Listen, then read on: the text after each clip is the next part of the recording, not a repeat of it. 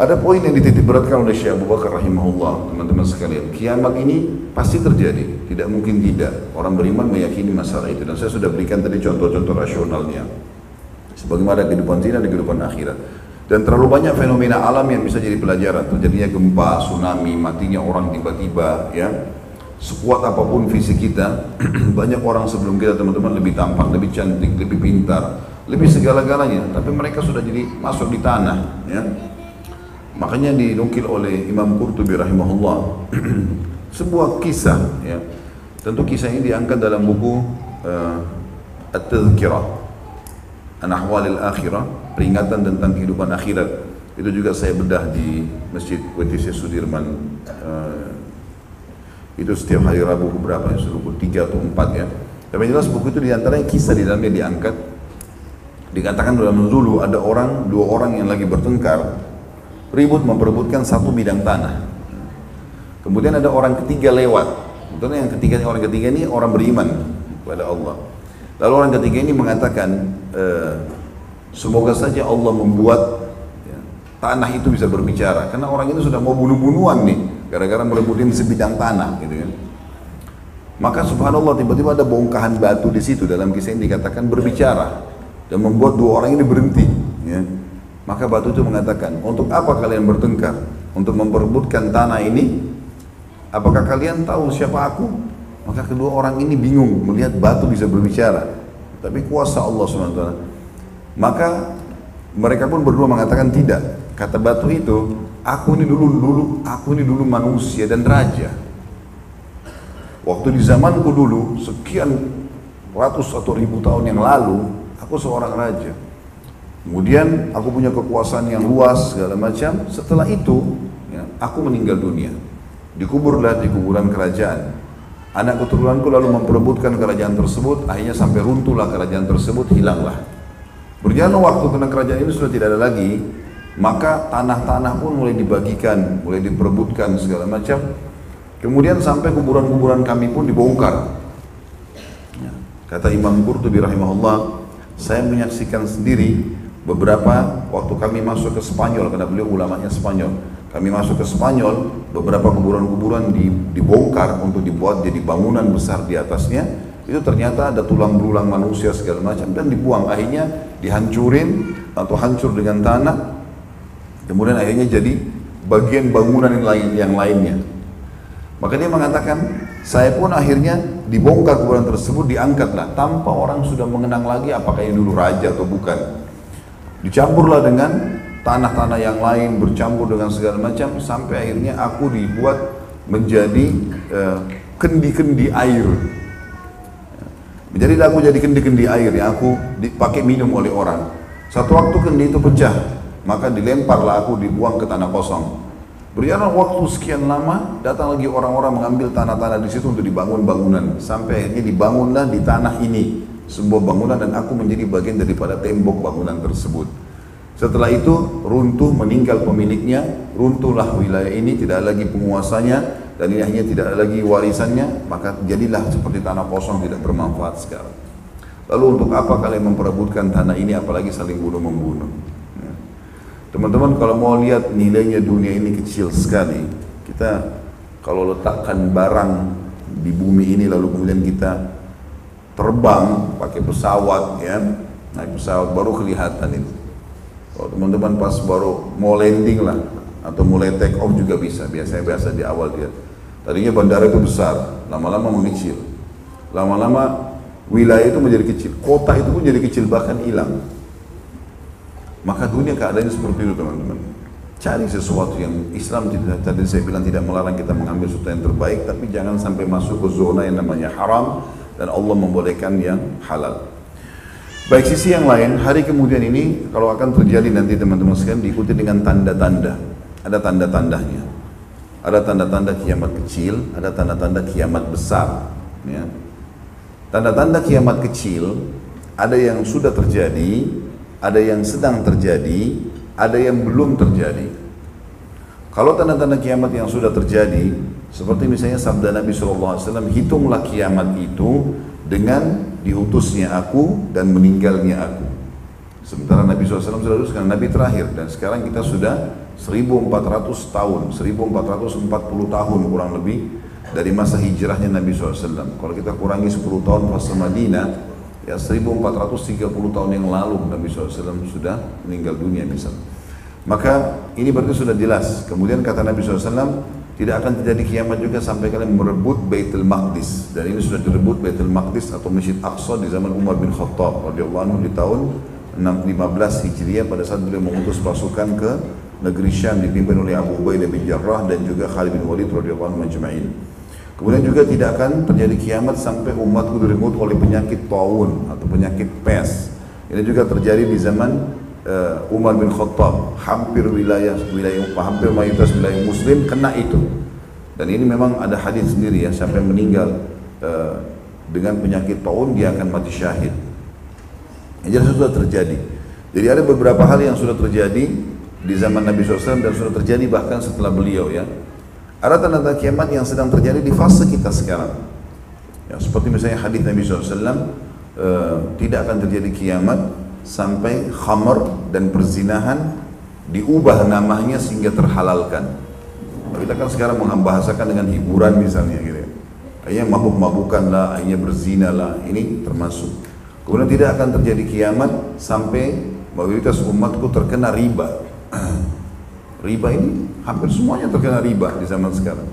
Saya pernah subhanallah masuk dengan salah satu teman saya, kebetulan beliau uh, apa namanya tenaga dari luar dari Syria datang mengajar di Indonesia. Kami satu kampus dulu ngajar di satu satu uh, alma mater yang dibuat dibuat oleh uh, Imarat Arab waktu itu. Dan dia terima gaji dalam bentuk US, maka dia pernah minta tolong sama saya, Halid tolong bantu saya. Saya sama-sama waktu itu masih di Makassar pergi ke perbankan konvensional, kemudian mau tukar uang. Kita cari money karena uang ini cukup besar. Mau cari money tapi dia lihat ternyata ada salah satu bank konvensional itu lebih tinggi, ya eh, penukaran kursnya, apalagi dia rutin tiap bulan. Maka saya temani ke sana.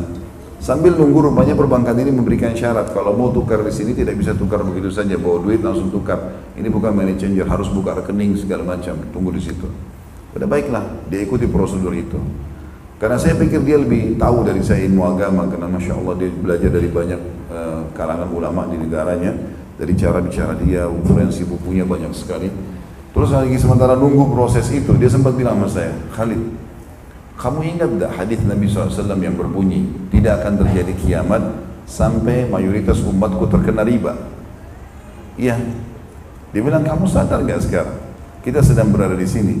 AC yang kita hirup ini dari uang riba. Kursi yang kita duduki dari uang riba. Pulpen yang dipakai uang riba. Kertas yang dipakai uang riba. Terus saya bilang iya benar juga dia bilang ini kita sekarang kan enggak dia bilang kalau kita kita keluar. Ya kan? tapi subhanallah yang kita saksi bahasan bukan masalah protes itu ya tapi bagaimana hadis ini terjadi gitu kan? Hadis ini terjadi. Bahkan banyak orang sekarang tidak melepaskan diri sama dari riba. Hidup dari situ bunga banknya diambil bahkan odolnya, sikat giginya, celana dalam semua dari uang riba gitu kan. Ini jadi masalah juga gitu ya. Tapi jelas ini tanda-tanda kiamat. Kemudian ada beberapa juga yang sedang terjadi. Kemudian yang belum terjadi itu juga ada tanda-tanda kiamat kecil. Di antaranya belum terjadi seperti sabda Nabi SAW tidak akan terjadi kiamat sampai seluruh jazirah Arab kembali lagi subur, sungai dan kebun-kebun. Ya, kalau sekarang kan kayak di Saudi masih banyak padang pasir segala macam. Tapi kurang lebih lima tahun terakhir itu di daerah Tabuk sering turun salju.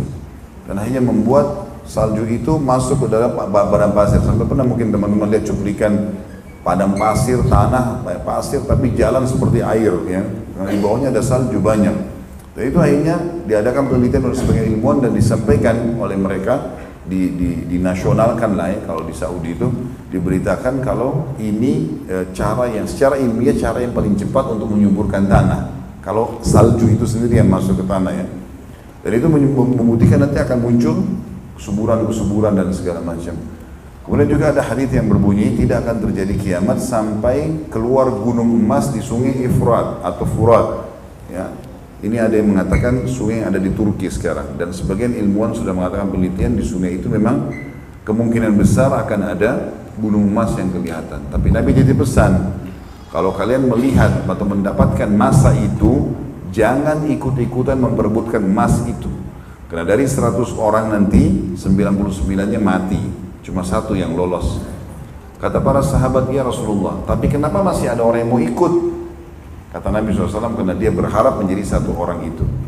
Karena banyaknya korban nanti di situ, Allah alam masanya kapan, tapi yang jelas karena banyaknya korban, jenazah bertumpuk-tumpuk, sampai orang di dunia ini semua membenci emas.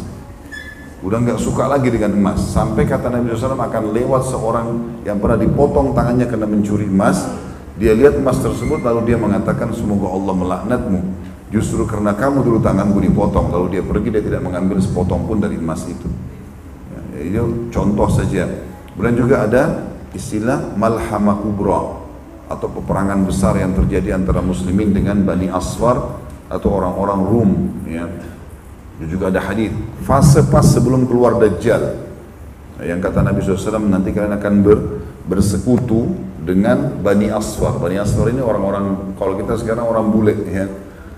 Itu dikati orang-orang Arab dulu mengatakan Bani Asfar dianggap karena rambut mereka berwarna berbeda dengan umumnya orang maka dikatakan dengan Bani Asfar. Kata Nabi SAW kalian akan bersekutu nanti dengan Bani Asfar kemudian akan memerangi satu kaum entah siapa kaum ini tapi akan terjadi peperangan setelah peperangan itu terjadi dan kalian memenangkan peperangan itu kemudian bubarlah semua masing-masing ke wilayahnya sampai uh, nanti akan di negeri Syam negeri Syam tempatnya kayak Palestina, Syria, Lebanon dan Jordan itu empat negara namanya negeri Syam sekarang uh, dulu namanya Syam sekarang dibagi empat negara sampai nanti pasukan-pasukan muslim dan pasukan Bani Asfar ada yang pulang ke negeri Syam lalu Pasukan Bani Asfar mengangkat bendera salib sambil mengatakan kami yang telah memenangkan peperangan.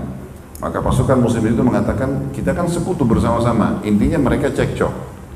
Dan akhirnya terjadi peperangan kecil pada saat itu dan Allah Subhanahu wa taala kata Nabi SAW memenangkan uh, mengaruniakan memuliakan sekelompok muslim itu mereka mati syahid. Hari kedua segelintir lagi mereka sepakat untuk uh, melawan dan Allah ikram, Allah muliakan lagi mereka dengan mati syahid. Hari ketiga juga begitu. Sekelompok lagi muslim bersatu, terbunuh lagi mereka. Sampai di hari keempat, maka seluruh muslim seluruh dunia bersatu untuk uh, berperang dan akhirnya terkumpullah juga dari Bani Asfar 80 bendera. Ya, 80 bendera bisa bisa 80 negara. Jadi kayak perang besar-besaran gitu ya. Seperti itulah. Allahu alam kapan itu terjadi. Tapi yang jelas seperti itu penyampaian Nabi Alaihissalam. Ya. Kemudian setelah itu terjadilah peperangan besar di antara kalian. Allah alam juga berapa lama, tapi Nabi SAW mengatakan kalian akan sampai ke jantung Rum di Rum dan kalian akan merobohkan benteng Rum itu dengan takbir dan tahlil kalian. Dengan zikir karena banyaknya pasukan Islam sampai bukan lagi dihancurkan tembok itu dengan alat tapi dengan suara saja sudah roboh ya. Ini juga ada penelitian ya. Kami pernah mendatangi beberapa situs-situs Eh, bangunan-bangunan lama. Itu kalau kita masuk tidak boleh terlalu keras suara. Suara bisa berpengaruh menghancurkan sesuatu yang walaupun itu bangunan kokoh ya. Ya seperti itu. Yang jelas setelah itu maka uh, Dajjal atau iblis akan iblis akan menjelma jadi manusia lalu dia teriak di tengah-tengah umat Islam sambil mengatakan Dajjal keluar di tengah-tengah kalian. Dajjal keluar di tengah-tengah kalian. Artinya sudah mulai keluar tanda-tanda hari kiamat besar yang pertama. Maka waktu itu semua umat Islam faham kalau Dajjal keluar berarti sudah harus selamatkan diri. Kata Nabi SAW kalau Dajjal keluar di tengah-tengah kalian maka selamatkan diri kalian walaupun kalian harus ke gunung. Janganlah seseorang dari kalian berkata imanku kuat aku coba melawannya sehingga dia jadi pengikutnya. Sehingga dia jadi pengikutnya. Jadi Dajjal fitnahnya besar sebagaimana yang kita paparkan nanti insya Allah. Yang jelas teman-teman sekalian pada saat itulah ya, eh, semua umat Islam bubar, pulang ke wilayah mereka masing-masing dan ternyata mereka mendapatkan itu berita bohong. Itu nggak benar. Tapi pada saat itu betul-betul Dajjal keluar. Maka mulailah masuk ke fase tanda-tanda kiamat besar. Tanda-tanda kiamat besar. Baik, nanti akan kita paparkan masalah itu di saya akan bacakan tulisannya berikut dalil-dalil yang ditulis oleh Syekh Abu Bakar rahimahullah. Namun sebelum masuk ke bacaan tadi di awal saya sempat janjikan kita akan jelaskan juga fase-fase daripada iman kepada hari kiamat itu dari prosesi kematian, dari alam barzah, kemudian dari hari kebangkitan lalu surga dan neraka. Saya simpulkan keempat poin ini tentang masalah eh, kematian teman-teman ini adalah fakta dan pasti akan terjadi. Sehebat apa pun kita menjaga kesehatan kita, walaupun itu bagian daripada syariat Islam kita harus menjaga kesehatan, tapi pasti kalau tiba ajal akan meninggal. Allah mengatakan kalau ajal mereka datang, la yastakhiruna sa'atan wa la yastaqdimun. Tidak akan bisa dimajukan sesaat, tidak akan bisa dimundurkan sesaat.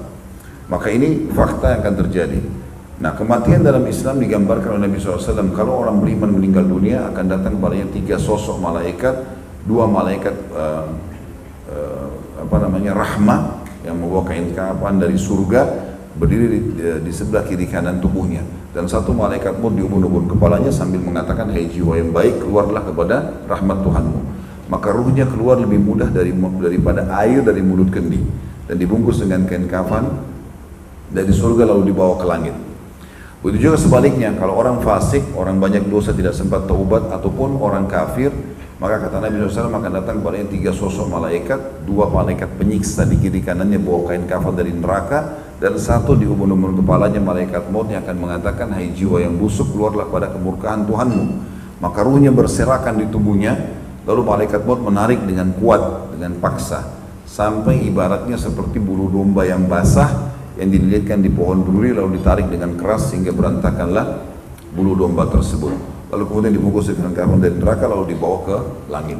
Riwayat ini panjang tapi saya simpulkan karena bahasan kita tentang hari kiamatnya langsung ya. Intinya ada itu. Kemudian setelah itu pindah ke alam barzah. Alam barzah alam kuburan. Kalau teman-teman pernah ikut sholat jenazah, dia terdiri dari empat takbir. Takbir pertama baca Al-Fatihah tanpa tanpa iftitah tanpa surah. Takbir kedua membaca salawat Ibrahim, salawat yang kita baca pada saat tahiyat.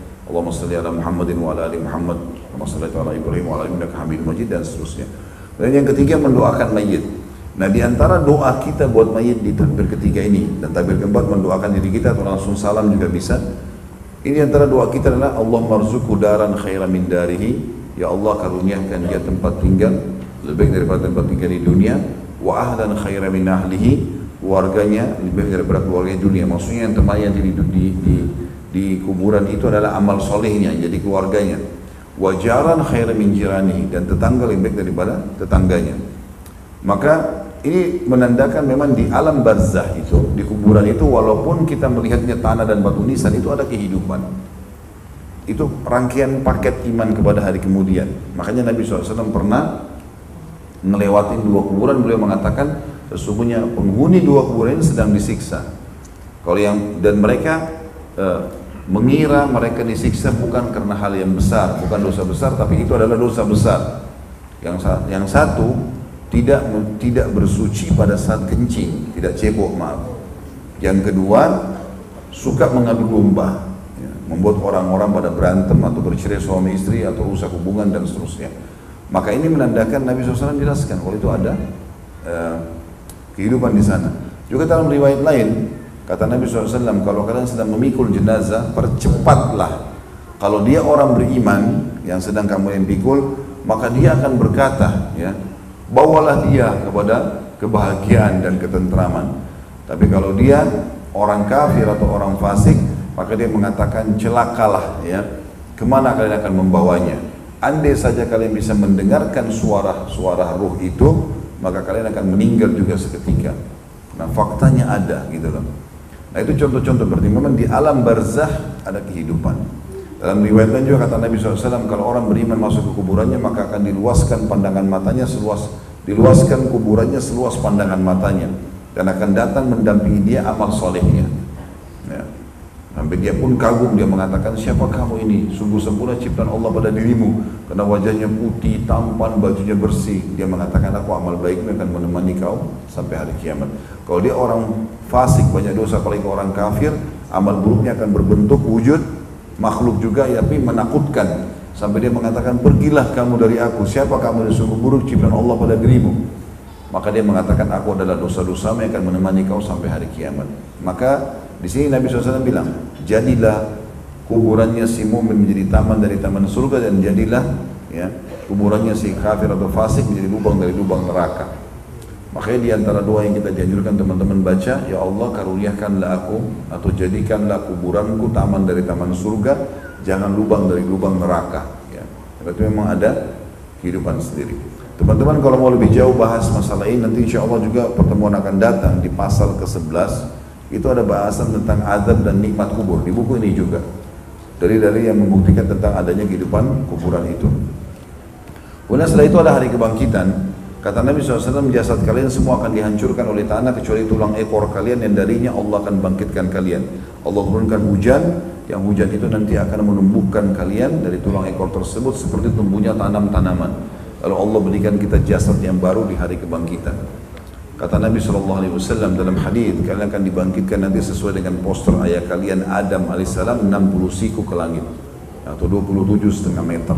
Dan kata Nabi SAW, ayah kalian posternya 27, 60 siku ke langit atau 27 setengah meter dan manusia terus memendek sampai menjelang hari kiamat. Ya, seperti itulah. Dan kemudian ada hari kebangkitan dan hari hisab. Kata Nabi SAW karena akan dibangkitkan dalam kondisi tidak menggunakan alas kaki, tidak berkhitan atau terkhitan dan juga tidak menggunakan pakaian. Kata para kata Aisyah ya Rasulullah, betapa malunya orang kalau gitu. Laki-laki dan perempuan saling melihat Kata Nabi SAW pada waktu itu, Hai Aisyah bukan seperti yang kau bayangkan lagi. Karena orang waktu itu ingin menyelamatkan diri saja. Mirip misalnya di satu kota, ya naudzubillah, ini contoh saja. Kalau terjadi satu kota ada pembantaian massal, ada penjahat masuk di negara itu atau di kota itu lalu membunuh orang. Di depan kita ini tebas lehernya, ini dipotong segala macam kayak terjadi di Burma, ya eh, terjadi di Cina sekarang. Semoga Allah selamatkan umat Islam mereka disiksa sana sini. Kalau lagi terjadi peperangan, terjadi masalah begini, walaupun ada orang lawan jenis telanjang depan mata, nggak ada syahwat. Orang berpikir menyelamatkan diri. Tsunami lah, gempa lah, ini semua jelas. Maka goncangan hari kiamat lebih berat daripada itu. Orang tidak akan berpikir lagi ke syahwat. Dari sisi lain, dibangkitkannya dengan tidak menggunakan pakaian ini hanya sesaat waktu awal diciptakan. Makanya kata Nabi SAW, orang yang paling pertama diberikan pakaian hari kiamat adalah Ibrahim alaihissalam. Kenapa Ibrahim alaihissalam? Sebagian ulama tafsir merincikan mengatakan karena waktu akan dilempar di api oleh Namrud atau Nabi Ibrahim mau dibakar oleh Raja Zalim dari Irak atau dari Babilonia itu bajunya dibuka untuk dengan dengan keyakinan dia untuk menambah siksaan bagi Ibrahim alaihissalam maka Allah pun memuliakan Ibrahim alaihissalam dengan pakaian tersebut dan ada prosesi timbangan amal yang Allah mengatakan faman ya'mal dzarratin khairan yarah wa man ya'mal mithqala yarah. Ya, siapa yang memiliki amal saleh, amal kebaikan, kebaikan khairan walaupun seperti biji sawi dia akan yarah, lihat dan akan menerima balasannya. Siapa yang berbuat syar, ya, wa ya'mal mithqala eh, dzarratin syarran yarah, siapa yang membuat seperti biji sawi dari keburukan yarah, dia pasti akan lihat dan akan dihukum oleh Allah. Ada prosesi timbangan dan kita sudah tahu siapa yang lebih berat amal solehnya akan masuk surga yang lebih berat amal dosanya maka akan masuk ke neraka. Lalu surga dan neraka dirincikan dalam banyak hukum-hukum syariat dalam banyak dari syar'i tentang masalah surga panjang lebar semuanya dirincikan. Tapi di antara hadis-hadis teman-teman atau ada buku yang bagus judulnya Tamasya ke surga tulisan Ibnu Qayyim rahimahullah. Ini juga harganya nggak sampai 100 ribu mungkin. 100 ribu atau 125 ribu. Dibeli buku tidurnya tamasya ke surga baca bab demi bab.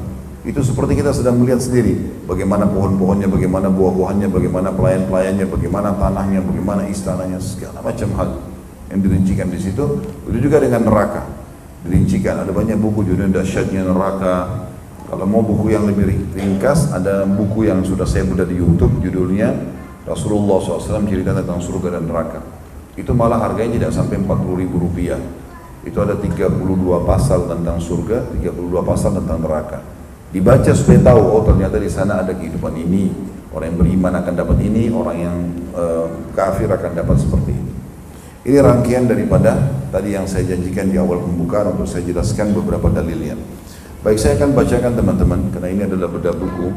Syekh Abu Bakar rahimahullah mengatakan pasal ke-10 beriman kepada hari kemudian Beliau mengatakan seorang muslim beriman bahwasanya kehidupan dunia ini mempunyai saat-saat di mana ia akan berakhir dan mempunyai hari terakhir yang tidak ada hari sesudahnya. Saya akan ada kehidupan akhirat.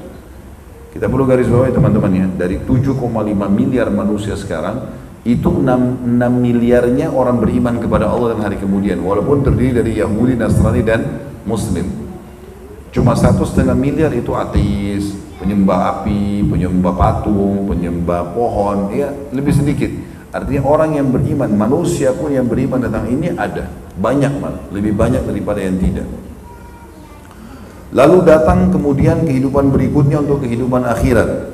Pada saat itu Allah yang maha suci dan maha pemurah membangkitkan kembali segenap makhluk dan menghimpun mereka semua untuk diadakan perhitungan atau hisab di mana orang-orang yang soleh diberi balasan kenikmatan abadi di dalam surga sedangkan orang-orang yang durhaka atau penuh dengan dosa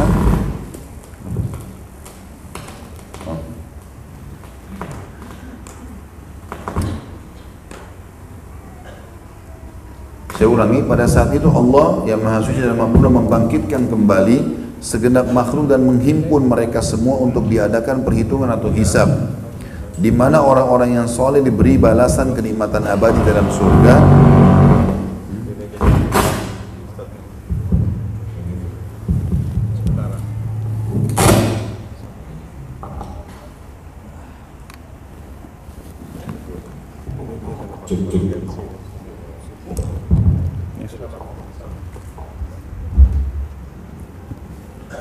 Pada saat itu Allah subhanahu wa ta'ala membangkitkan kembali segenap makhluk dan menghimpun mereka semua untuk diadakan perhitungan atau hisab di mana orang-orang yang saleh yang patuh diberikan balasan kenikmatan abadi dalam surga sedangkan orang-orang yang durhaka penuh dosa diganjar dengan azab dan siksaan yang menghinakan di dalam neraka. Ia juga beriman sebagai seorang muslim bahwasanya hari akhirat didahului oleh tanda-tanda kiamat dan ini tanda-tanda kiamat yang disebutkan oleh beliau adalah tanda-tanda kiamat besar. Ini belum kita rincikan ya. Nah, akan saya rincikan sebentar insya Allah. Seperti munculnya Dajjal, Ya'juj dan Ma'juj, turunnya Nabi Isa alaihissalam dari langit, keluarnya binatang melata yang dapat berbicara, terbitnya matahari dari tempat terbenamnya atau sebelah barat, dan tanda-tanda lainnya. Kemudian sangkakala atau trompet raksasa ditiup satu kali untuk kematian dan kebinasaan seluruh makhluk. Lalu tiupan berikutnya untuk kebangkitan dan hidup kembali serta menghadap kepada Rabbul Izzati Allah Subhanahu wa taala. Artinya bertemu dengan Sang Pencipta yang Maha Mulia, Allah yang Maha Suci dan Maha Pemurah. Kemudian penyerahan kitab-kitab catatan amal masing-masing. Maka ada yang menerima kitab catatan amalnya dengan tangan kanannya, berarti dia dikenal dengan golongan kanan akan masuk surga ini bukan pilihan akan terbang sendiri buku amal kita ke tangan kanan kalau kita ahli surga. Dan insya Allah kita termasuk itu. Kemudian ada pula yang mengambilnya dengan tangan kirinya. Dan kalau sudah terima dengan tangan kiri pasti dia masuk neraka. Sebagaimana disebutkan dalam banyak dalil nanti. Setelah itu disediakanlah mizan atau timbangan amal dan perhitungan amal hisab pun dilaksanakan. Dan timbangan amal bukan seperti timbangan kita di pasar ya karena timbangan mizan hari kiamat itu sangat besar, bisa menimbang seluruh amal kita dan penuh dengan keadilan. Tidak bisa menimbang kecuali amal saja, amal baik atau amal buruk. Sampai kata Nabi SAW, nanti hari kiamat akan datang orang yang badannya kekar besar, lalu kemudian dia loncat ke timbangan amalnya untuk memberatkan tapi tidak berpengaruh sama sekali. Dan timbangan amal itu akan punya lisan yang menghardik orang-orang yang berbuat dosa dan uh, dia juga akan memuji dan menyanjung orang yang berbuat kebaikan. Lalu kemudian jembatan terbentang di atas neraka menuju surga. Jadi nanti sebelum masuk ke surga teman-teman, neraka di depan kita dulu baru ke surga. Nah di situ akan dibentangkan sirat, jalan. Kita semua akan melewatinya, walaupun orang beriman akan melewatinya. Bahkan kata Nabi SAW, aku orang pertama yang melewati sirat. Lalu para nabi-nabi dan semua doa nabi-nabi waktu itu, ya Allah selamatkanlah, selamatkanlah. Sungguh dia adalah jembatan yang gelap, licin dan dipenuhi dengan duri-duri yang tajam yang akan menyambar siapa pun yang layak untuk masuk ke neraka dulu. Tujuan utama melihat neraka itu supaya orang-orang yang beriman pun masuk ke surga tahu, oh ternyata saya selamat dari ini nih. Ya. Sehingga dia selalu bersyukur kepada Allah nanti pada saat masuk ke dalam surga. Dikatakan lalu dipancangkan hingga berakhir proses agung tersebut, maksudnya jembatan di Sirat dengan menetapkan atau menetapnya semua penghuni surga di surga dan penghuni neraka dalam neraka iman semua itu tentang tanda-tanda kiamat adanya kebangkitan ada surga neraka itu diyakini karena dalil-dalil nakli dan akli berikut ini. Saudara sudah pegang sudah pernah ikut taklim faham ini? Kalau yang saya karena selalu kita sebutkan dalil nakli dan akli. Kalau yang belum maka saya jelaskan sekarang dan kalau beli buku juga nanti difaham apa maksudnya Dalil nakli maksudnya yang dinukil dari Al-Quran dan Sunnah wahyu. Sementara dalil akli maksudnya argumentasi akal. Kelebihan Syekh Abu Bakar Jazair rahimahullah, beliau selalu menitik beratkan itu. Setiap menjelaskan sebuah hukum, ini loh secara dalil wahyu, ini loh secara akal.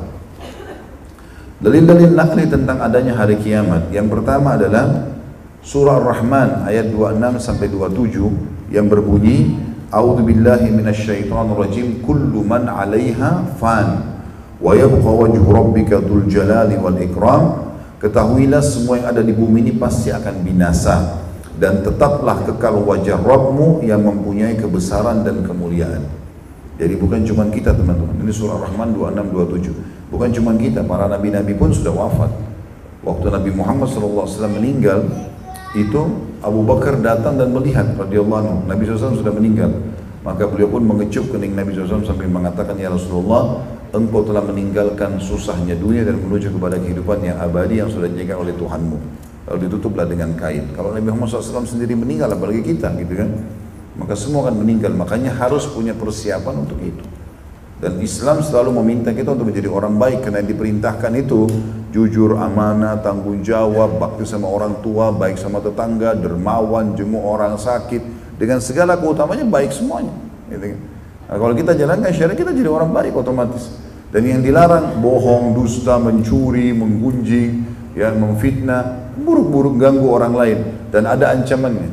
Berarti kita kalau ikutin syariat sebenarnya kita menjadi orang baik secara otomatis karena memang seperti itu ajaran syariat. Kemudian juga dalam dalil yang kedua Al-Anbiya ayat 34 sampai 35, A'udzu billahi minasyaitonir rajim, "Wa ma ja'alna li basharin min qablikal khuld, afa in mitta fahumul khalidun, kullu nafsin dha'iqatul maut, wa nabluukum bisyarri wal khairi fitnah, wa ilaina turja'un."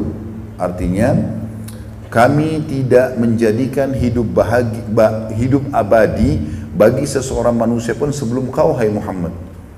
Jangankan kamu hai Muhammad, semua orang sebelum kamu dari Adam, Hud, Saleh, Shu'aib, semua nabi-nabi pun sudah mati. Maka jikalau kau mati, apakah mereka akan kekal? Ini tantangan bagi orang-orang kafir Quraisy yang menganggap diri mereka selalu membangkang, menentang dan seakan-akan mereka tidak akan mati. Tiap-tiap yang berjiwa akan merasakan mati,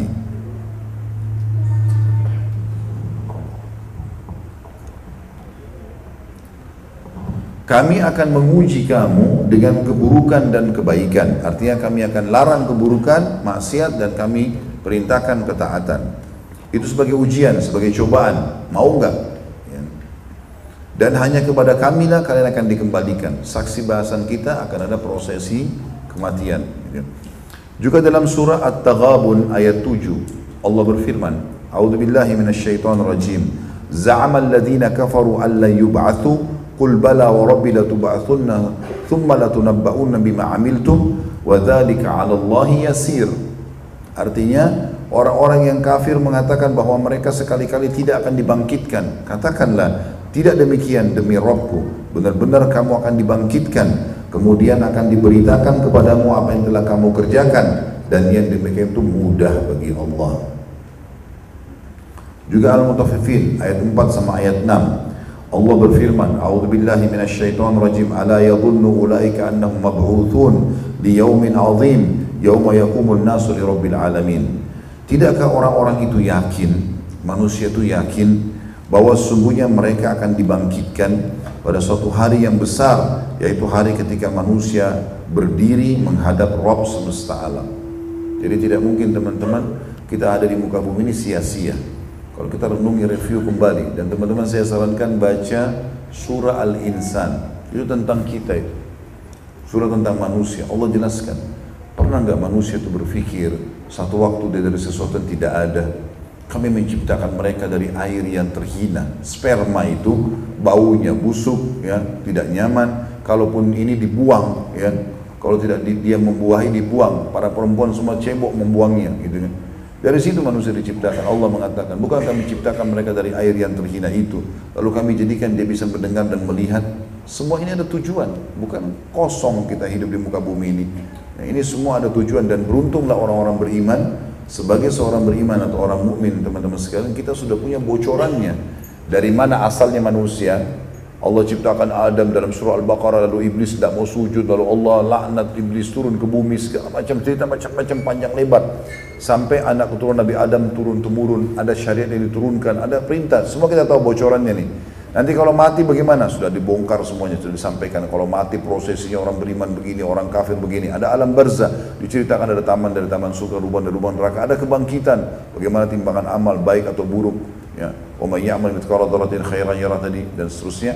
Dan kemudian ada surga neraka dirincikan juga semua. Jadi sebenarnya kita sebagai orang beriman ini tahu semua bocorannya dari awal sampai akhir. Seperti orang yang kerja satu pekerjaan tapi semuanya sudah jelas di depan dia. Beda dengan orang-orang yang tidak beriman tentang hari akhir ini.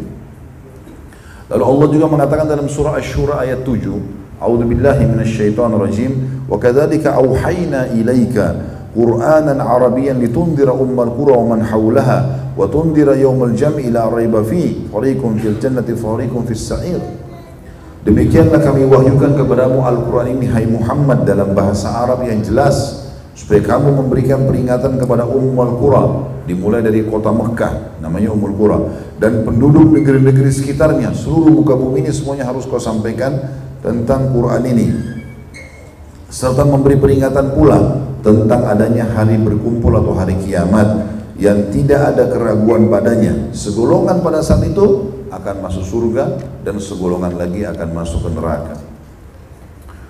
Surah Zulzilah atau Zalzalah yang kita sudah hafal umumnya dipakai dalam sholat biasanya kena pendek 8 ayat Allah ceritakan tentang kejadian dahsyatnya hari kiamat itu bahkan kita sudah tahu di dunia bumi ini sampai dibuatkan film digambarkan bagaimana kiamat terjadi segala macam itu tidak mungkin dibuat kecuali memang ada keyakinan-keyakinan yang ada di situ ya. Sebagai orang beriman, Alhamdulillah, tanpa ini pun kita sudah yakin karena ada penyampaian wahyu. Allah berfirman, A'udhu billahi minasyaitonir rajim, Idza zulzilatil ardu zilzalaha. Ketika bumi digoncang dengan goncangan yang dahsyat pada hari kiamat nanti, wa akhrajatil ardu athqalaha dan bumi akhirnya mengeluarkan beban-beban berat yang dikandungnya, semua batu-batu, apa keluar semuanya. Sehingga bumi itu jadi seperti kapas ringan nanti pada hari kiamat. Wa qala insanu ma pada saat itu manusia akan berbicara satu sama yang lain. Kenapa bumi jadi begini? Yauma idzin tuhadditsu akhbaraha pada saat itulah bumi menceritakan tentang beritanya. Bi anna rabbaka auhalaha bahwasanya Rabb mula yang telah memerintahkan terjadi begitu pada dirinya. Yauma idzin yasdurun nasu ashtatan liyura'malahum pada saat itu manusia akan dikeluarkan dari kuburan mereka dalam keadaan bermacam-macam. Wa ya'mal mithqala dzarratin khairan yara supaya diperlihatkan amal mereka dan barang siapa yang mengerjakan kebaikan walaupun seperti biji zarrah, seperti biji sawi atau debu, maka niscaya dia akan melihat balasannya. Wa may ya'mal mithqala dzarratin syarran yara dan siapa yang melakukan kejahatan sebesar biji zarrah atau biji sawi, tetap dia akan melihatnya. Surah Al-An'am 158 juga menjelaskan bertubi-tubi Allah ingatkan tentang masalah kiamat bukan satu dua ayat ya. A'udzu billahi minasyaitonir rajim. Hal yanzuruna illa an ta'tiyahumul malaikatu aw ya'tiya rabbuka aw ya'tiya ba'du ayatik atau ba'du ayati rabbik yawma ya'ti ba'du ayati rabbika la yanfa'u nafsan imanuha lam takun amanat min qablu aw kasabat fi imaniha khaira. Al-ayat artinya orang-orang yang menunda taubat itu Apakah mereka menanti-nanti? Apa yang mereka nanti-nanti? Apakah mereka nanti? Apakah mereka hanya menanti kedatangan malaikat? Maksudnya malaikat maut mencabut ruh mereka kepada mereka? Atau kedatangan Robmu pada hari kiamat untuk menghisap? Atau kedatangan sebagian tanda-tanda Robmu? Nah, tanda-tanda maksudnya tanda-tanda kiamat. Pada hari datangnya sebagian tanda-tanda Robmu, tidaklah bermanfaat lagi iman seseorang eh, bagi dirinya sendiri yang belum beriman sebelum itu atau dia belum mengusahakan kebaikan dalam masa hidupnya atau imannya. Ini semua jelas tentang adanya hari kiamat. Juga dalam surah An-Naml ayat 82 ini mulai Allah atau Syekh Abu Bakar mengangkat ini tentang salah satu tanda-tanda hari kiamat. A'udzu billahi minasyaitonir rajim wa idza waqa'al qawlu 'alaihim akhrajna lahum dabbatan minal ardi tukallimuhum anna an-nasa kanu bi ayatina la yuqinun. Apabila perkataan telah jatuh atas mereka, maknanya adalah sudah jelas mereka diingatkan tidak mau dengar, maka kami akan keluarkan binatang melata dari bumi. Kata ulama tafsir yang dimaksud binatang melata adalah hewan, tapi bisa berbicara dengan bicara atau bahasa manusia. Dikeluarkan nanti di akhir zaman dan bisa mengingatkan manusia. Dan dia akan berkata, kami keluarkan binatang melata dari bumi yang akan mengatakan kepada mereka bahwa sungguhnya manusia dahulu tidak yakin kepada ayat-ayat kami. Saya akan kembali jelaskan ini penutupan bahasan kita nanti kita akan jelaskan 10 tanda-tanda kiamat besar ya. Tapi kita baca dulu ayat-ayatnya. Ini satu hewan melata. Juga akan ada keluarnya Ya'juj dan Ma'juj.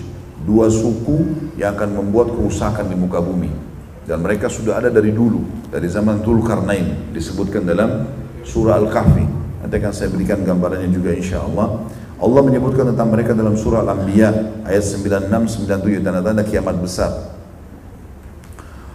Hatta idza futihat ya'juj ma'jujuhum min kulli hadabin yansilun waqtarabatil wa'dul haqq fa idza hiya shakhisatun absarul ladina kafaru. Ya wailana qad kunna fi ghaflatin min hadha bal kunna zalimin.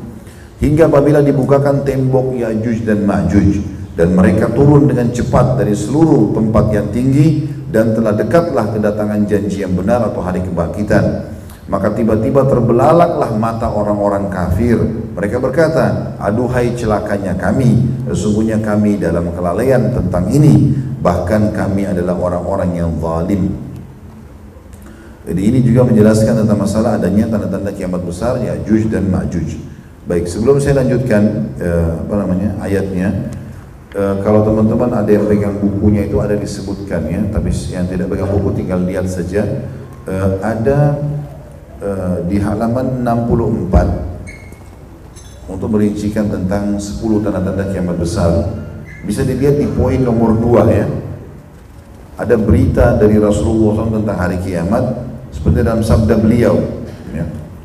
kita langsung pindah ke uh, hadis nomor dua di situ yang kata baginda Nabi SAW inna sa'ata la takunu hatta takunu ashru ayat sesungguhnya kiamat tidak akan terjadi sampai terlihat sepuluh tanda-tanda kiamat besar. Lalu dirincikanlah khasfun bil masyrik wa khasfun bil maghrib wa khasfun bi jaziratil arab. Akan terjadi longsor besar nanti. Amblasnya tanah di belahan timur, amblasnya uh, amblasnya bumi di belahan timur, amblasnya bumi di belahan barat dan amblasnya bumi di jazirah Arab.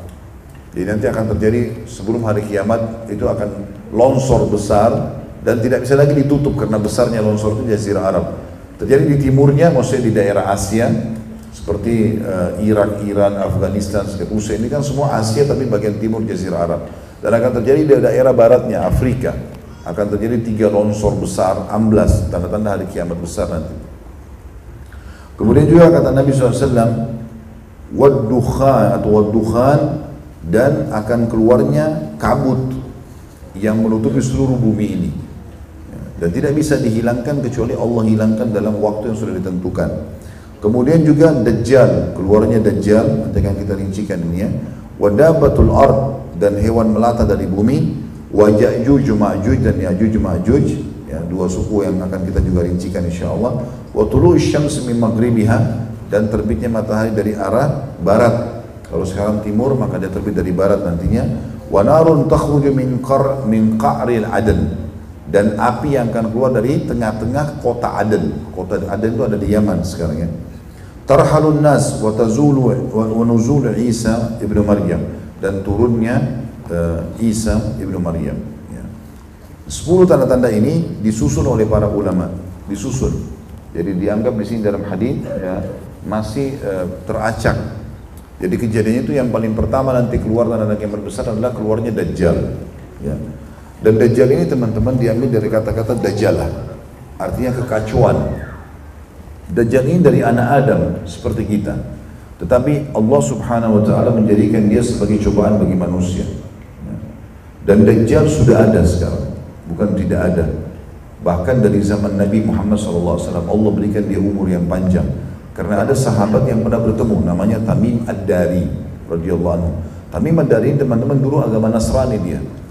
Sebelum masuk Islam, dia ceritakan, dia bilang saya pernah naik kapal dalam hadis Bukhari yang panjang lebar. Kemudian di tengah lautan itu kapal kami dihantam oleh ombak, lalu kami pingsan dan kami pada saat sadar kapal kami sudah nyandar di sebuah pulau dan di situ ada seekor hewan melata yang mirip mungkin uh, uh, hewan mungkin mirip monyet atau yang lebih besar lagi Ya, karena dianggap seperti itu Melata yang berdiri dan berbulu semua badannya. Lalu berbicara dengan bahasa kami, bahasa manusia. Mengatakan bahwasanya di tengah pulau ini ada orang yang mau bertemu dengan kalian. Ya, teman-teman ya, bisa ketik hadis Dajjal di Google itu di Bukhari panjang lebar. Ini saya langsung ringkaskan. Maka dia pun mengatakan kami pun ikut dengan hewan tersebut sampai tiba di tengah pulau. Di sana ada sebuah gua dan ada orang yang lagi dirantai, bagian lehernya, kedua tangannya dan kedua kakinya, dan mata kanannya rusak. Maka orang itu pun mengatakan, kami pun mengatakan siapa kamu ini?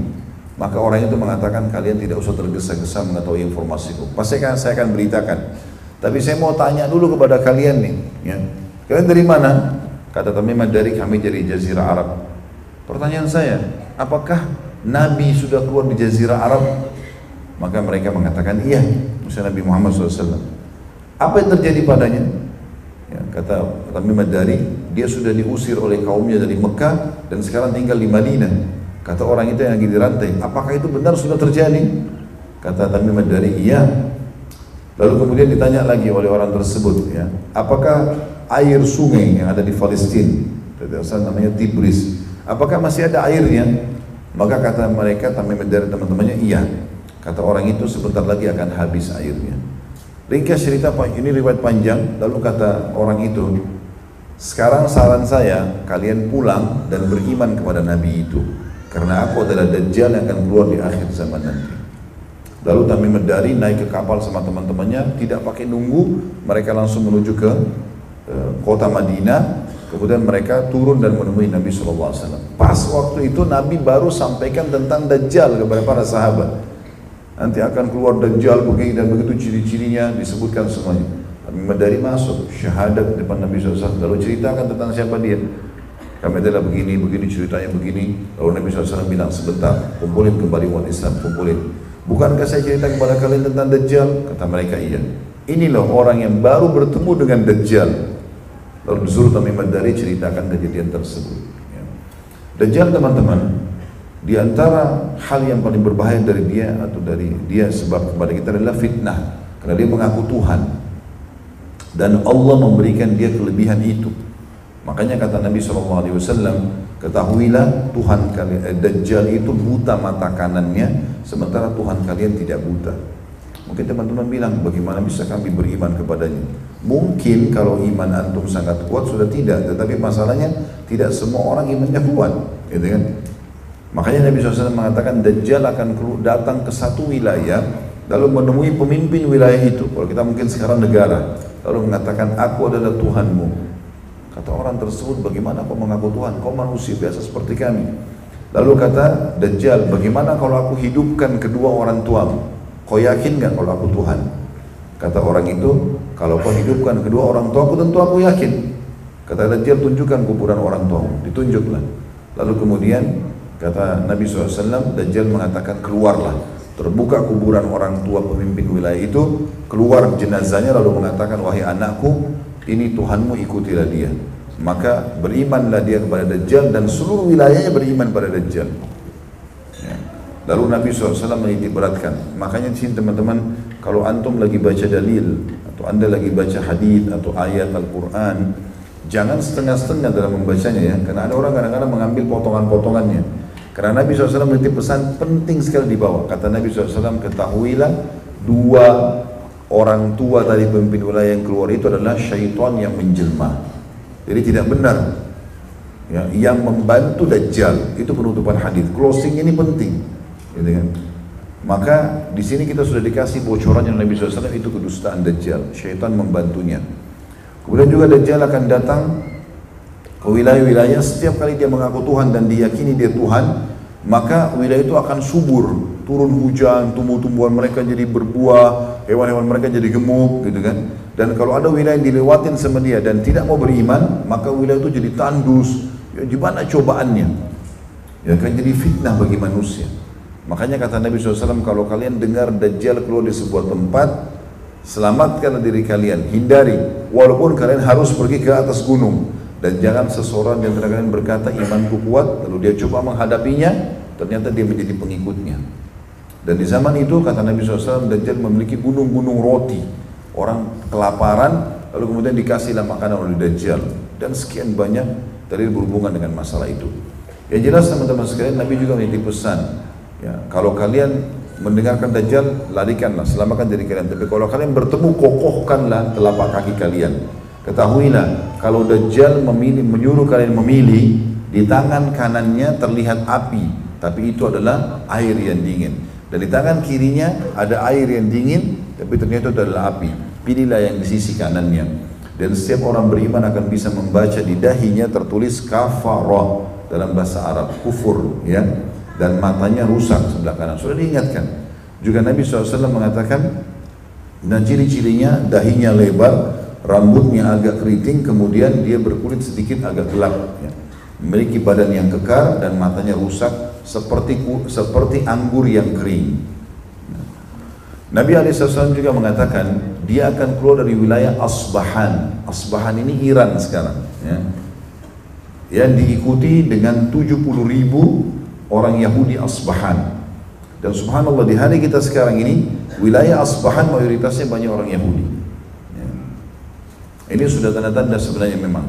Maka Nabi SAW mengatakan akan keluar Dajjal dari wilayah Asbahan diikuti dengan 70 ribu dari orang Yahudi Asbahan. Lalu mereka akan menyebar, menyebar di muka bumi membuat kerusakan. Dajjal akan berjalan di muka bumi selama 40 hari.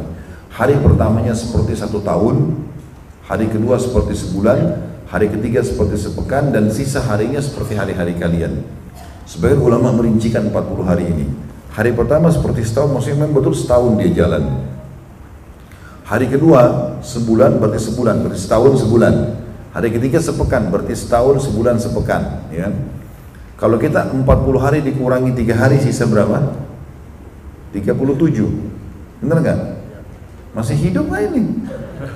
Kok senyap sekali? 37 dari 40 kurang 3. Ya. Kan Nabi bilang Dajjal 40 hari berputar di, di, di tempat kalian. Hari pertama seperti setahun, berarti itu kita anggap setahun. Hari kedua seperti sebulan, hari ketiga seperti sepekan. Berarti kan dari 40 hari dikurangi 3 hari, sisa 37 hari ya. Ini kalau kita hitung berarti sebulan sepekan. Kalau digabung semua berarti Dajjal akan buat kerusakan muka bumi setahun, dua bulan, dua pekan. Gitu. Jadi akan membuat kerusakan di muka bumi. Tidak ada tempat pun kata Nabi SAW di muka bumi ini, baik itu lereng gunung, ya, lautan, apa segala macam yang dilewati oleh Dajjal. Dan dia hanya tidak bisa masuk ke Mekah dan Madinah.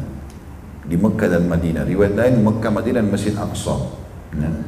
Nah Mekah Madinah ini disebutkan dalam riwayat Bukhari Kata Nabi SAW, Dajjal akan datang ke Madinah, kemudian dia coba untuk masuk ke Madinah. Tapi dia tidak bisa karena di setiap pintu gerbang Madinah dijaga oleh dua malaikat yang menghembuskan pedangnya. Dan kalau tidak salah dalam hadis dikatakan pada saat itu Madinah memiliki delapan buah pintu. Kemudian Dajjal akan menyentakkan kakinya di luar Madinah sehingga terjadilah goncangan gempa di Madinah akan membuat seluruh orang munafik keluar sehingga tidak tersisa lagi di Madinah kecuali orang beriman saja akan jadi pengikut Dajjal. Lalu Dajjal akan naik ke sebuah gunung yang tinggi di Madinah di luar kota Madinahnya. Kemudian dia melihat ke arah masjid masjidku masjid Nabi SAW dan dia akan mengatakan apakah kalian melihat istana putih itu? Maka pengikutnya mengatakan iya. Kata Nabi SAW kata Dajjal itulah istana Muhammad yang aku tidak diizinkan untuk menjangkaunya. Subhanallah hari ini Masjid Nabawi dibangun dengan marmer putih dari jauh seperti istana putih. Ini semua subhanallah jelas terbukti lapangan apalagi sekarang akan diluaskan empat kali lipat semuanya juga dengan marmer-marmer yang putih yang sangat indah gitu kan. Kemudian setelah itu Dajjal turun dari gunung tersebut lalu keluarlah seorang anak muda dari Madinah yang kata Nabi SAW anak muda itu adalah orang yang terbaik imannya pada saat itu. Dia keluar kemudian Dajjal menangkapnya lalu mengatakan aku adalah Tuhanmu Kata kata anak muda tersebut, kau ada Dajjal yang disampaikan oleh Nabi SAW. Maka Dajjal mengambil gergaji dan membelah dua anak muda itu. Dari kepala sampai kemaluannya, terbelah dua. Lalu Dajjal melewati tengahnya untuk demo di depan para pengikutnya. Lalu Dajjal mengatakan hiduplah, maka bersatu kembali karena besarnya fitnahnya. Lalu setelah itu pengikutnya semua pada bersorak-sorak. Lalu Dajjal mengatakan kepada anak muda tersebut, apa kau sudah yakin aku Tuhanmu? Aku sudah matikan kamu lalu aku hidupkan lagi. Kata dia, saya tambah yakin kau adalah Dajjal. Ya. Maka setelah itu dia pun berusaha untuk membunuhnya, tapi sudah tidak bisa. Allah selamatkan anak muda tersebut. Ini kisah yang berhubungan dengan Madinah, kemudian dia pun akan meninggalkan Madinah menuju ke uh, namanya Babulut atau kota Lut. Itu sekarang ada di Israel, ya. Di Palestina sebenarnya. Subhanallah kami punya seorang guru namanya Dr. Ziyad Abadi, semoga Allah jaga beliau, ahli hadis di Jordan. Itu dia sempat satu saya kemarin umrah Pulau Aqsa, sempat satu mobil diundang makan sama beliau di rumahnya sebentar. Terus nggak sengaja cerita ngobrol tentang masalah Jordan, masalah Palestina, sejarahnya. Terus dia bilang, e, saya lahir di sini, saya di Amman, di ibu kota e, Jordan, dan istri saya dari Lut, Babu Lut. Ah, kau ingat Khalid Babu Lut, tempatnya Dajjal nanti. Nah istri saya lahir di sana. Maksudnya untuk memastikan kalau kota itu ada, gitu. Jadi mereka tidak asing lagi di Jordan sama Palestina tahu betul ini Babulut. Kalau orang yang belajar hadis tahu ini Dajjal nanti akan di sini terakhir hidupnya. Yang jelas Nabi SAW mengatakan Dajjal akan keluar setelah buat kerusakan di muka bumi. Ada kemungkinan Madinah termasuk kota-kota terakhir yang didatangi oleh dia karena dia tahu dia tidak bisa masuk. Pengikutnya sudah banyak. Lalu dia menuju ke Babulut. Nah, pada saat dia menuju ke sana atau di Palestina ini, maka eh, akan keluar dari Madinah nanti sosok orang yang kata Nabi SAW dari keturunanku namanya seperti namaku Muhammad bin Abdullah ya perangainya wajahnya segala macam rambut persis dengan Nabi SAW tapi akhlaknya bukan seperti akhlakku. Karena nggak mungkin ada yang sama dengan Nabi SAW dalam riwayat dikatakan eh, Allah akan mengubah dia menjadi orang baik dalam sehari semalam. Artinya tadinya orang biasa tapi akhirnya dia bisa faham agama segala macam dalam sehari semalam. Maka diberikanlah julukan dia dengan Imam Mahdi. Ya. Dia keluar dari Madinah, lalu orang-orang pada bilang, ayo kita keluar memerangi Dajjal dari kota Madinah. Maka dia menolak dulu, dia kemudian menuju ke Mekah. Tiba di Mekah, dibayarlah dengan 300 orang, kemudian mereka rame-rame menuju ke uh, Baitul Maqdis ya, atau menuju ke Palestina. Tujuannya mau mengejar Dajjal ini ke Babulut tadi itu ya atau di Lut tadi itu. Nah rupanya di tengah jalan pas mereka berada kata Nabi SAW di Masjid Menara Putih Damas atau di Dimashq, Damaskus ya. Sebagian ahli hadis mengatakan yang dimaksud adalah masjid jamiknya sekarang. Karena memang dikenal juga dengan Masjid Menara Putih. Ya. Nanti mereka akan sholat di situ sholat asar dan pada saat itulah datang tanda-tanda kiamat yang kedua tentang turunnya Nabi Isa alaihissalam turunnya Nabi Isa AS. Maka kata Nabi SAW, Isa akan turun dengan memegang dua sayapnya malaikat, musuhnya kanan kiri, dan rambutnya seakan-akan basah meneteskan air. Wajahnya mirip dengan Urwah bin Mas'ud radhiyallahu anhu. Ada sahabat Nabi namanya Urwah. Jadi orangnya tampan, putih, yang gagah, itu muncul. Kemudian turun dalam masjid itu, lalu dia mengatakan atau dipersilahkan untuk menjadi imam. Orang-orang itu sudah faham, hadis ini sudah faham. Oh ini Isa AS sudah turun gitu kan. Karena memang mereka terbentuk pasukan ini, Dajjal sudah keluar depan mata mereka. Dajjal ini menjadi informasi dunia, heboh satu dunia gitu kan. Karena kebanyakan orang mengikuti dia. Ringkas ceritanya adalah akhirnya uh, Mahdi ini atau Muhammad bin Abdullah ini mempersilahkan Nabi Isa untuk jadi imam, tapi Nabi Isa mengatakan imam dari kalian. Ya sebagian ulama mengatakan berarti memang syariat Muhammad SAW ini syariat yang diikuti oleh Nabi Isa pada saat itu. Karena kata Nabi SAW dalam hadis lain, bagaimana umat ini akan sesat di awalnya sementara aku ada, dan di akhirnya sementara Isa ada. Seperti itulah. Jadi di tengah-tengah mungkin ada kesalahan, tapi awal sama akhir udah nggak bisa lagi. Yang jelas Nabi Isa AS mengatakan imam dari kalian, lalu Nabi Isa pun jadi makmum di dia, ya, atau di belakang dia, dan Nabi SAW mengatakan dia termasuk salah satu manusia yang di belakangnya Nabi sholat. Kalau ada Nabi nggak boleh Nabi jadi makmum kan, tapi ini kemuliaan yang Allah SWT berikan. Lalu mereka rame-rame menuju ke Babu Lut atau Lut tadi itu dan Dajjal di sana bersorak-sorak. Dia tidak tahu ini apa yang terjadi. Maka pengikutnya mengatakan umat Islam telah tiba. Pasukannya umat Islam. Ini pasukan Nabi Isa. Dia tidak tahu kalau ada Isa di situ. Dajjal dengan sombong mengatakan bukalah pintu gerbangnya. Dia mau lawan sendiri ceritanya gitu kan. Maka pada saat itu dibuka pintu itu dia kaget ternyata ada Isa alaihissalam. Begitu buka ada Isa. Maka Dajjal pun melarikan diri kata Nabi SAW sambil tubuhnya seperti meleleh dan dikejar oleh Nabi SAW lalu ditombak di antara dua matanya dengan tombak ya kalau tidak salah berwarna kuning kemas-emasan seperti itulah matilah Dajjal. Maka seluruh pengikutnya dari Yahudi bersebar menyebar. Dan ini hadis yang berbunyi, maka setiap Yahudi yang sembunyi di bawah pohon, di atas batu, akan berbicara semua pohon dan batu itu mengatakan, Hai Muslim ini Yahudi bunuhlah dia. Kecuali pohon garqad, ya, yang tidak akan berbicara atau dikenal dengan pohon Yahudi. Dan subhanallah fakta sekarang, kalau teman-teman masuk ke Palestina, ada umrah Fulas Aqsa, maka coba minta sama supirnya, kami biasa begitu minta sama supirnya, Itulah karena bahasa Arab jadi saya bahasakan, tolong saya mau lihat pohon karkat di mana, biar jemaah juga bisa foto. Bicara yang dia ketemu di pinggir jalan ini ada ini ada orang Yahudi ada komplek-komplek perumahan Yahudi itu di situ banyak pohon-pohon ditanam sama dia. Pohon-pohon ini karena tahu pohon ini tidak akan bicara kalau ini Yahudi. Yang uniknya Yahudi di situ subhanallah tahu tapi nggak mau gitu ya. Makanya Ibnu Abbas menafsirkan akhir Al-Fatihah ghairil maghdubi alaihim ihdinas siratal mustaqim tunjukkan kami jalan yang lurus siratal ladzina an'amta alaihim jalan yang kau berikan nikmat kepada mereka maksudnya para nabi-nabi dan para orang-orang yang sudah beriman ghairil maghdubi alaihim bukan orang yang kau murkai kata Ibnu Abbas Yahudi Allah murka sama mereka. Kenapa? Karena mereka tahu kebenaran mereka tidak mau beriman. Waladhdallin dan bukan orang sesat kata Ibnu Abbas adalah orang Nasrani. Mau berdakwah tapi salah. Mengatakan Tuhan punya anak tapi Allah bilang lam yalid walam yulad. Gitu kan? Maka ini kita minta agar diselamatkan dari dua kelompok ini. Yang jelas teman-teman maka dibunuhlah orang-orang Yahudi tersebut. Kemudian waktu itu Isa alaihissalam akan menghancurkan salib, membunuh babi-babi, ya. Jadi sudah tidak lagi pelanggaran agama. Dan kata Nabi SAW pada saat itu semua rumah di muka bumi akan masuk Islam baik dalam keadaan mulia, memang dia mau atau dia terhina. Gak ada lagi di muka bumi ini kecuali Muslim semua. Pada saat itu semuanya wajib masuk Islam. Kalau tidak dibunuh oleh Isa alaihissalam. Gitu kan? Maka Isa akan membuat ketentraman selama tujuh tahun di muka bumi. Keluarlah tanda-tanda kiamat yang besar. Yang ketiga, Ya'juj dan Ma'juj, dua suku ini. Waktu itu Allah SWT kata Nabi SAW mengutus ya berita kepada Isa AS, Jibril datang dan mengatakan, Hai Isa, akan keluar kaumku, ya, atau makhluk atau hambaku yang kau tidak mampu untuk melawannya. Nabi Isa pun tidak akan bisa melawan Ya'juj Ma'juj. Kok bisa Ustaz? Begitu takdirnya Allah. Dan yang luar biasa, ya Majud ini teman-teman dua suku yang berlipat-lipat ganda, seribu kali lipat dari jumlah kita, seribu kali lipat, bukan satu dua kali lipat ya.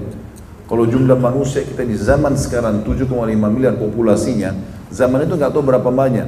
Itu seribu kali lipat, karena Nabi SAW mengatakan satu orang ya Juj Majuj, dia tahu dia akan mati, kalau dia sudah punya anak ya 900 atau 1000. Kalau sudah 1000 anaknya, baru berarti dia dia tahu dirinya akan mati.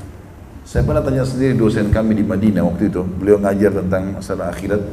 Saya bilang, apakah Ya'juj Ma'juj ini ada di antara kita manusia yang ini bergabung sama mereka? Kata beliau tidak ada. Memang mereka tuh punya ciri khas sendiri, ya. Dan mereka tuh sifatnya membuat kerusakan di muka bumi. Mereka akan membunuh manusia-manusia, membunuh hewan-hewan, makanannya ular, kala jengking, batu, segala macam. Jadi mereka akan membunuh dan besar sekali fitnahnya.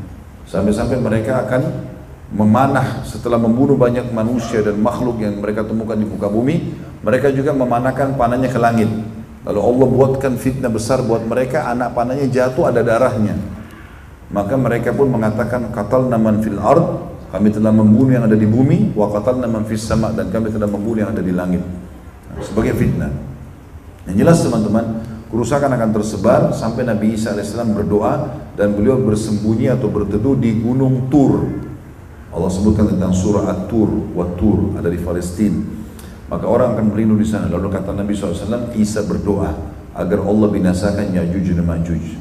Maka Allah pun binasakan Ya'juj Ma'juj ini dengan cara satu eh, dari dari setiap leher mereka itu keluar seperti binatang kecil Allahu alam seperti apa yang membuat mereka mati seketika semua. Dari matinya sekalian, miliaran itu mati semua tiba-tiba. Lalu Isa alaihissalam pun mengutus ya empat orang kata Nabi SAW dari gunung itu turun dengan menunggangi kuda. Dan kalau kalian mau, aku akan gambarkan warna-warna kuda mereka, ya baju-baju mereka, wajah-wajah mereka, karena jelas Nabi SAW diperlihatkan. Dan mereka adalah orang terbaik di zaman itu dari orang-orang beriman. Turun dan mereka lihat ternyata memang sudah mati semua. Bergelempakan jenazah mereka di pinggir di jalan-jalan di mana-mana.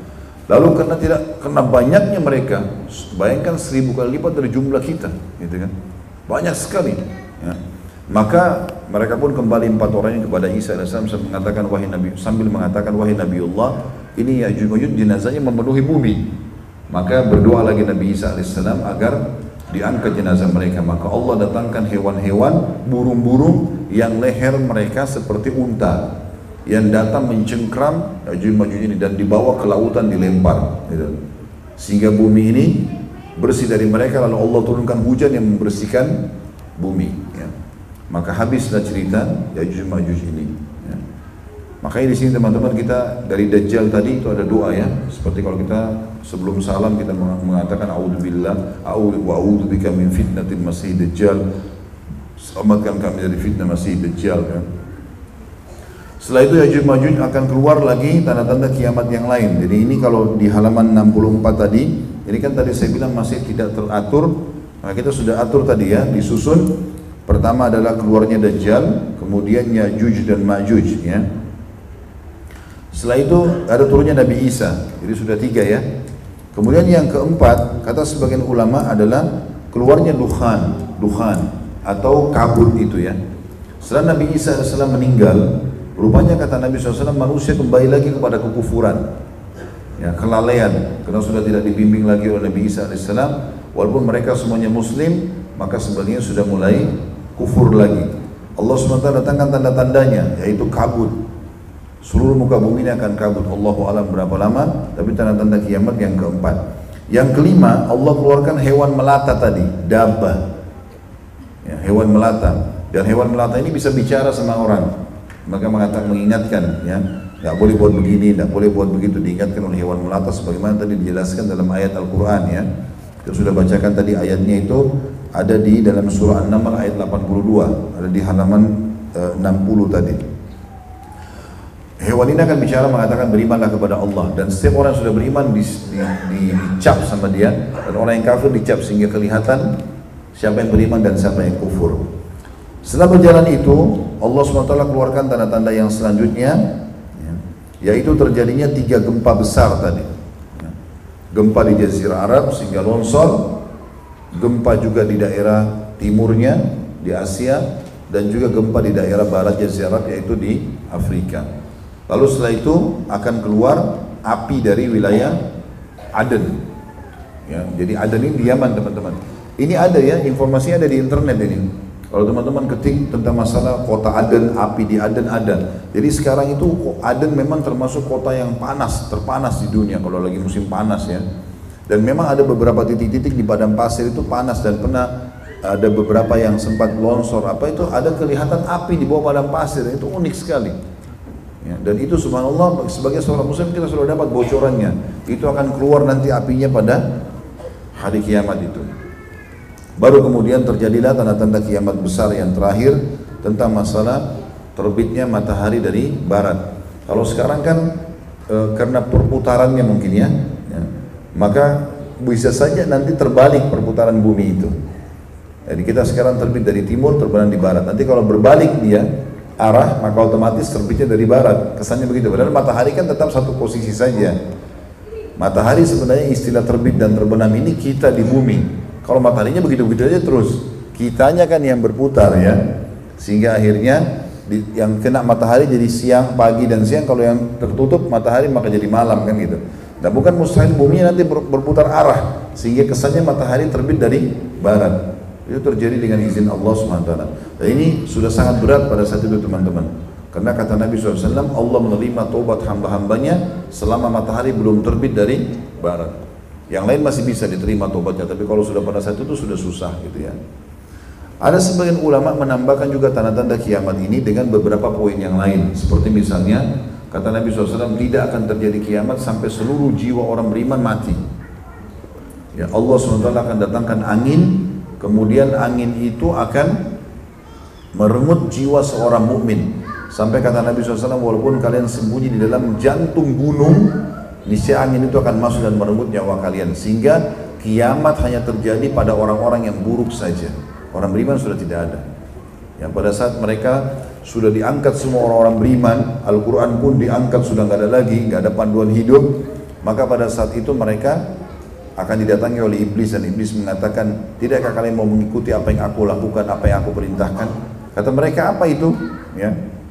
Padahal waktu itu kata Nabi SAW badan-badan mereka sehat, harta mereka melimpah, kehidupan mereka makmur. Lalu iblis mengatakan sembahlah berhala, maka kembalilah muka bumi ini dibuat patung-patung sekian banyak dan pada mereka lah itu, pada mereka itulah terjadi kiamat. Pada mereka itu sudah ditiup sangkakala dan terjadi kiamat. Juga ada hadis yang menjelaskan tidak akan terjadi kiamat sampai Ka'bah akan di ya, diruntuhkan dan yang meruntuhkan ada orang yang diberi julukan dengan pemilik betis yang kecil dari Ethiopia Kata Nabi SAW, demi Allah, aku diperlihatkan sekarang dia sedang mencabuti satu persatu batu Ka'bah itu sendiri. Kapan terjadi ini? Setelah tadi tidak ada lagi orang beriman, tidak ada lagi orang tawaf udah. Karena orang beriman mati semua. Maka mulailah di muka bumi ini semuanya orang yang kafir. Di antaranya orang ini datang karena dia mendengar di Ka'bah ada banyak harta ditimbun, maka dia coba menggalinya. Seperti itulah. Dan sekian banyak dalil yang berhubungan dengan masalah ini. Dan di sini teman-teman dalil yang setelahnya seperti misalnya di halaman 64 itu itu tentang Dajjal. Ya. Saya bacakan langsung saya baca terjemahannya saja ya. Halaman 64 sampai 65. Dajjal akan keluar di tengah umatku dan ia akan tinggal selama 40. Tadi sudah saya jelaskan 40 itu. Lalu Allah membangkitkan Isa putra Maryam. Ia mirip dengan Urwa bin Mas'ud. Maka Isa mencari Dajjal dan kemudian membunuhnya. Setelah itu manusia tinggal selama tujuh tahun tanpa ada permusuhan di antara mereka. Kemudian Allah meniupkan angin dingin dari arah negeri Syam. Maka tidak seorang pun di muka bumi ini di dalam hatinya masih ada kebaikan atau iman melainkan pasti angin itu akan merenggut nyawanya. Hingga sekiranya ada seseorang kamu yang bersembunyi di rongga gunung sekalipun niscaya angin itu akan masuk dan merenggut nyawanya. Maka yang tersisa adalah manusia-manusia jahat yang tangkas bagaikan tangkasnya burung dan binatang buas jadi saling menerkam satu sama yang lain. Mereka tidak mengenal kebaikan dan tidak mengingkari kemungkaran lalu syaitan datang kepada mereka berbentuk manusia seraya berkata apakah kalian mau memenuhi ajakanku? Setelah Nabi Isa mati setelah orang-orang beriman semuanya meninggal dunia mereka menjawab apa yang kamu perintahkan kepada kami? Lalu syaitan atau iblis menyuruh mereka menyembah berhala padahal harta kekayaan mereka berlimpah luah pada saat itu. Kehidupan mereka sejahtera. Kemudian ditiuplah sangkakala oleh malaikat Israfil dan tiada seorang pun yang mendengarkan melainkan menoleh atau melongokkan lehernya sambil mendengarkan. Dan yang pertama kali mendengarkan adalah seseorang lelaki yang sedang membersihkan badan untanya. Rasulullah SAW melanjutkan, ia pun pingsan tersentak manusia mati dan manusia pun pingsan semuanya serentak atau mati. Setelah itu Allah menurunkan hujan seperti hujan gerimis yang dengannya jasad-jasad manusia akan tumbuh kembali. Lalu trompet sangkakala ditiup sekali lagi, maka dengan serta merta manusia bangkit sambil menunggu. Lalu dikatakan hai manusia, mari pergi menuju Rob Tuhan pencipta kalian. Dan dikatakan kepada para malaikat, hentikan mereka di hadapan Tuhan karena mereka akan ditanya. Setelah itu diperintahkan, keluarkanlah bagian untuk neraka. Dan riwayat lain, Nabi SAW mengatakan Allah berfirman kepada Adam, Hai Adam, keluarkan dari keturunanmu penghuni neraka. Lalu setelah itu ditanya oleh Nabi Adam, berapa jumlahnya? Maka dijawab oleh Allah SWT dari setiap 1999. Makanya jumlahnya jumlahnya tadi seribu kali lipat dari jumlah kita ya. Itulah hari yang mana anak-anak menjadi beruban dan itulah hari di mana betis disingkapkan. Hadis ini sahih diriwayatkan Imam Muslim. Juga hadis-hadis setelahnya yang kata Nabi SAW, La taqumus sa'atu illa ala syirarin nas. Tidak akan terjadi kiamat kecuali pada manusia-manusia yang jahat. Tadi sudah kita bilang ya, karena orang-orang beriman selama ada di satu komunitas itu sudah cukup menjadi penghalang tidak terjadinya siksaan di situ. Ya. Kecuali memang dia tidak ikut-ikutan, tidak amar ma'ruf, tidak nahi mungkar, maka mungkin bisa saja dia juga kena masalah itu ya.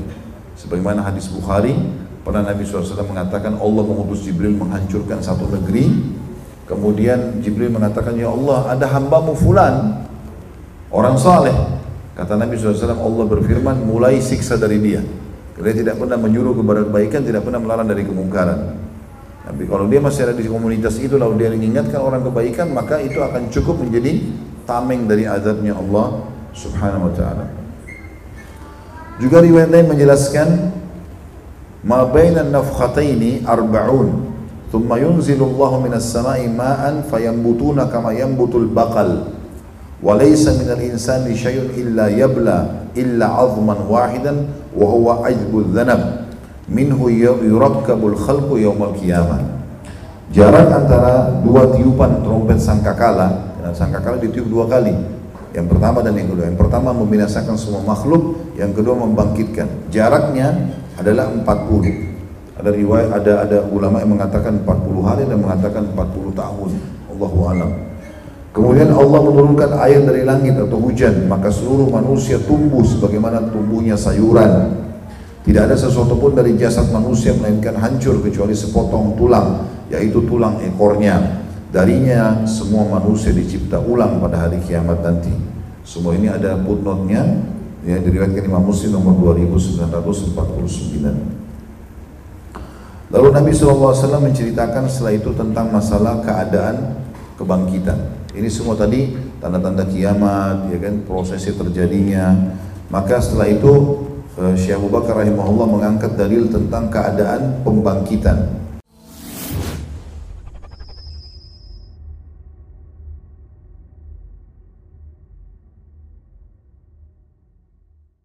Assalamualaikum Untuk pemesanan paket umroh murah Bisa menghubungi 0821 4196 0857 Kami ulangi sekali lagi Untuk pemesanan paket umroh murah Bisa menghubungi 0821 4196 0857 Sekali lagi 0821 4196 0857 Terima kasih. Assalamualaikum. Untuk pemesanan paket umroh murah bisa menghubungi 0821 4196 0857 Kami ulangi sekali lagi untuk pemesanan paket umroh murah bisa menghubungi 0821 4196 0857 Sekali lagi 0821 4196 0857 Terima kasih